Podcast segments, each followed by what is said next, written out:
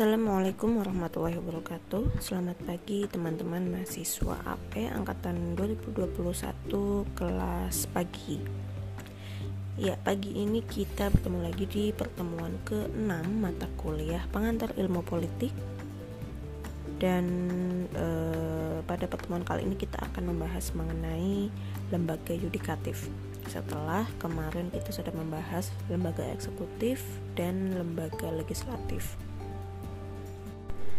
Uh, suatu studi mengenai kekuasaan yudikatif sebenarnya itu lebih bersifat teknis yuridis dan termasuk uh, ke dalam bidang ilmu hukum dibandingkan masuk ke bidang ilmu politik kecuali memang di beberapa negara di mana Mahkamah Agung memainkan peranan politik berdasarkan konsep judicial review.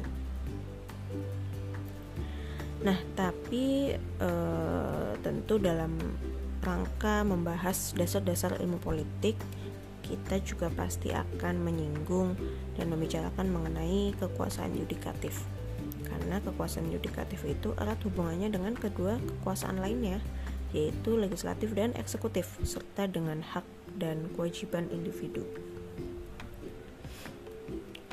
Dan e, dalam doktrin trias politika di negara-negara demokratis telah kita ketahui bahwa uh, arti yang dikandung dalam trias politika adalah itu asli dan murni yang uh, di mana trias politika berarti sebagai pemisahan kekuasaan atau separation of powers yang mutlak di antara ketiga cabang kekuasaan legislatif, eksekutif, yudikatif baik mengenai fungsi serta tugasnya maupun mengenai organ yang menjalankan fungsi tersebut.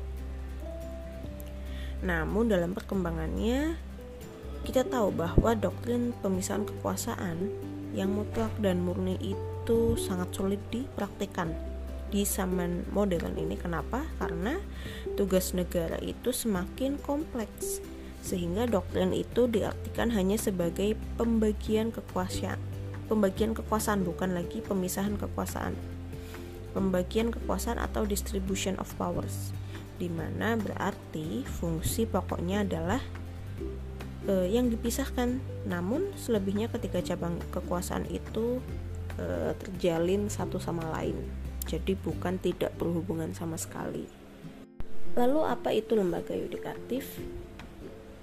Adalah lembaga yang mengawasi jalannya pemerintahan dan negara secara keseluruhan mengadili pelanggaran pelaksanaan konstitusi dan peraturan perundang-undangan secara luas, menginterpretasikan undang-undang jika ada sengketa, serta bersifat independen dalam pelaksanaan tugas dan fungsinya. Lalu ada e, dua lembaga di dalam lembaga yudikatif atau badan yudikatif. Yang pertama adalah kejaksaan, yaitu badan yang mengumpulkan tuntutan-tuntutan hukum lalu ada kehakiman yaitu badan yang membuat keputusan. Jika keputusan itu menimbulkan kontroversi maka lembaga peradilan di atasnya dapat mengadili. Jadi kalau urutannya di Indonesia itu pengadilan negeri lalu di atasnya ada pengadilan tinggi lalu di atasnya lagi ada mahkamah agung. Nah, lembaga yudikatif di Indonesia di masa reformasi, tepatnya setelah amandemen konstitusi terdapat tiga lembaga yang berkaitan dengan fungsi yudikatif di Indonesia yaitu sesuai dengan pasal 24, pasal 24A, pasal 24B, pasal 24C, pasal 25 UUD 1945 dan UU nomor 4 tahun 2004 yaitu yang pertama ada Mahkamah Agung lalu Mahkamah Konstitusi lalu yang ketiga adalah Komisi Yudisial. Kalau Komisi Yudisial itu adalah lembaga yang e, sifatnya mandiri dan punya wewenang untuk mengusulkan pengangkatan hakim agung. Juga punya wewenang e, menegakkan, menjaga martabat, kehormatan, keluhuran dan juga perilaku hakim. Jadi e, yang apa mengawasi ya Sedangkan kalau di lingkungan peradilan itu ada peradilan umum, peradilan agama, peradilan militer, dan peradilan tata usaha negara. Nah, apa kaitan hukum dan pemerintahan? Pemerintahan itu berdasarkan pada hukum dan bukan pada kekuasaan. Kenapa? Karena kalau kekuasaan itu masih dapat disalahgunakan, Tapi kalau hukum itu merupakan ketentuan-ketentuan baku yang ditaati bagi semua masyarakat dan e, sanksinya pun jelas bagi para pelanggarnya. Dan hukum adalah peraturan-peraturan yang dibuat oleh pemerintah atas dasar keadilan masyarakat dan dilaksanakan oleh peradilan. Di mana ini adalah pengertian hukum positif. Jadi karena kita membahas lembaga yudikatif, otomatis e, pasti kita akan membahas tentang hukum. Jadi pertemuan kali ini emang mirip-mirip dengan uh, kuliah dasar ilmu hukum ya. Dan mungkin sebagian nanti ini sudah ada yang pernah kita bahas di kelas DIH.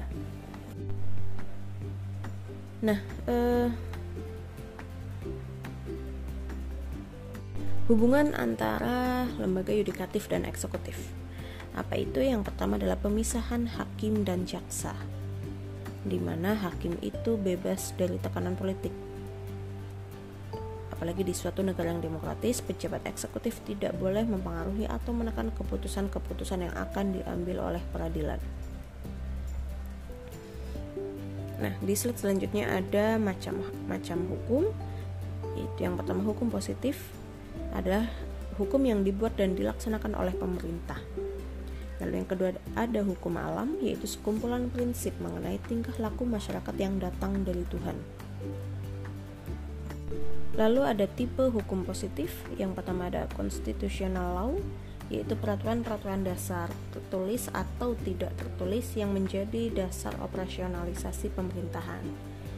Contohnya adalah UUD e, kalau UUD tertulis itu ada di Amerika Serikat, Indonesia, dan Jerman. Sedangkan yang menggunakan contoh UUD tidak tertulis adalah Inggris. Aturan-aturan kenegaraan itu tidak dihimpun dalam satu naskah.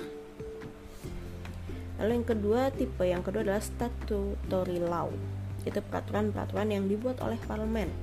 Contohnya, UU mengenai hak cipta dan kekayaan intelektual. Lalu yang ketiga ada administration law yaitu uh, hukum yang dibuat oleh lembaga-lembaga pemerintahan dalam skop yang terbatas. Misalkan peraturan-peraturan yang digunakan oleh uh, dibuat dan digunakan oleh polisi. Lalu jenis jenis-jenis hukum yang berlaku di dunia. Ya, ini adalah lembaga yudikatif dalam negara-negara yang demokratis. Yaitu ada dua sistem. Yang pertama sistem common law dan juga sistem civil law. Kalau sistem common law ini terdapat di negara-negara Anglo-Saxon dan memulai pertumbuhannya di Inggris pada abad pertengahan. Jadi, sistem ini berdasarkan prinsip bahwa di samping undang-undang yang dibuat oleh parlemen atau yang dinamakan statute law, masih ada peraturan-peraturan lain yang merupakan common law common law ini bukan uh, bukan berupa aturan-aturan yang telah dikodifisir atau uh, dikodifikasi tetapi merupakan kumpulan keputusan yang uh, dalam zaman dulu telah dirumuskan oleh hakim. Jadi sesungguhnya hakim itu juga turut menciptakan hukum dengan keputusannya itu. Inilah makanya kenapa dinamakan case law atau hukum buatan hakim, judgment law. Jadi biasanya menggunakan ini adalah negara-negara di Inggris dan bekas jajahan Inggris. Lalu yang kedua ada civil law, itu kumpulan keputusan yang diwujudkan dalam peraturan-peraturan yang berbentuk undang-undang dan tersusun secara sistematis di dalam e, kodifikasi atau kompilasi tertentu. Nah, lalu ada selanjutnya kualifikasi hukum berdasarkan subjeknya. Yang pertama ada hukum pidana, yaitu peraturan-peraturan yang mengatur atau memberi sanksi mengenai pelanggaran pidana atau kriminalitas. Yang kedua ada hukum perdata, yaitu peraturan-peraturan yang mengatur atau memberi sanksi tentang konflik-konflik perdata atau hubungan antar manusia. Misalkan seseorang mengambil hak milik orang lain dan e, kemudian korban mengajukan tuntutan. Itu masuknya ke hukum perdata. Lalu selanjutnya ada fungsi judicial atau peradilan, yaitu yang pertama adalah law enforcement atau penegakan hukum yang kedua adalah settling disputes atau bertugas uh, menyelesaikan permasalahan menyelesaikan konflik menyelesaikan masalah pribadi atau sekelompok orang Lalu yang kedua ada fungsi judicial review atau hak uji materi, yaitu wewenang untuk menilai apakah suatu undang-undang itu sesuai atau tidak dengan undang-undang dasar. Nah, mungkin itu saja yang dapat saya jelaskan. Semoga apa yang saya sampaikan bermanfaat. Dan uh, silakan sambil dipelajari lagi dan dibaca dari referensi-referensi lain. Dan setelah ini uh, saya juga membagikan tugas. Silakan tolong dibaca dan ikuti petunjuknya dengan baik dan dikerjakan dengan semaksimal mungkin. Oke terima kasih. Selamat beraktivitas Kurang lebihnya mohon maaf. Wassalamualaikum warahmatullahi wabarakatuh.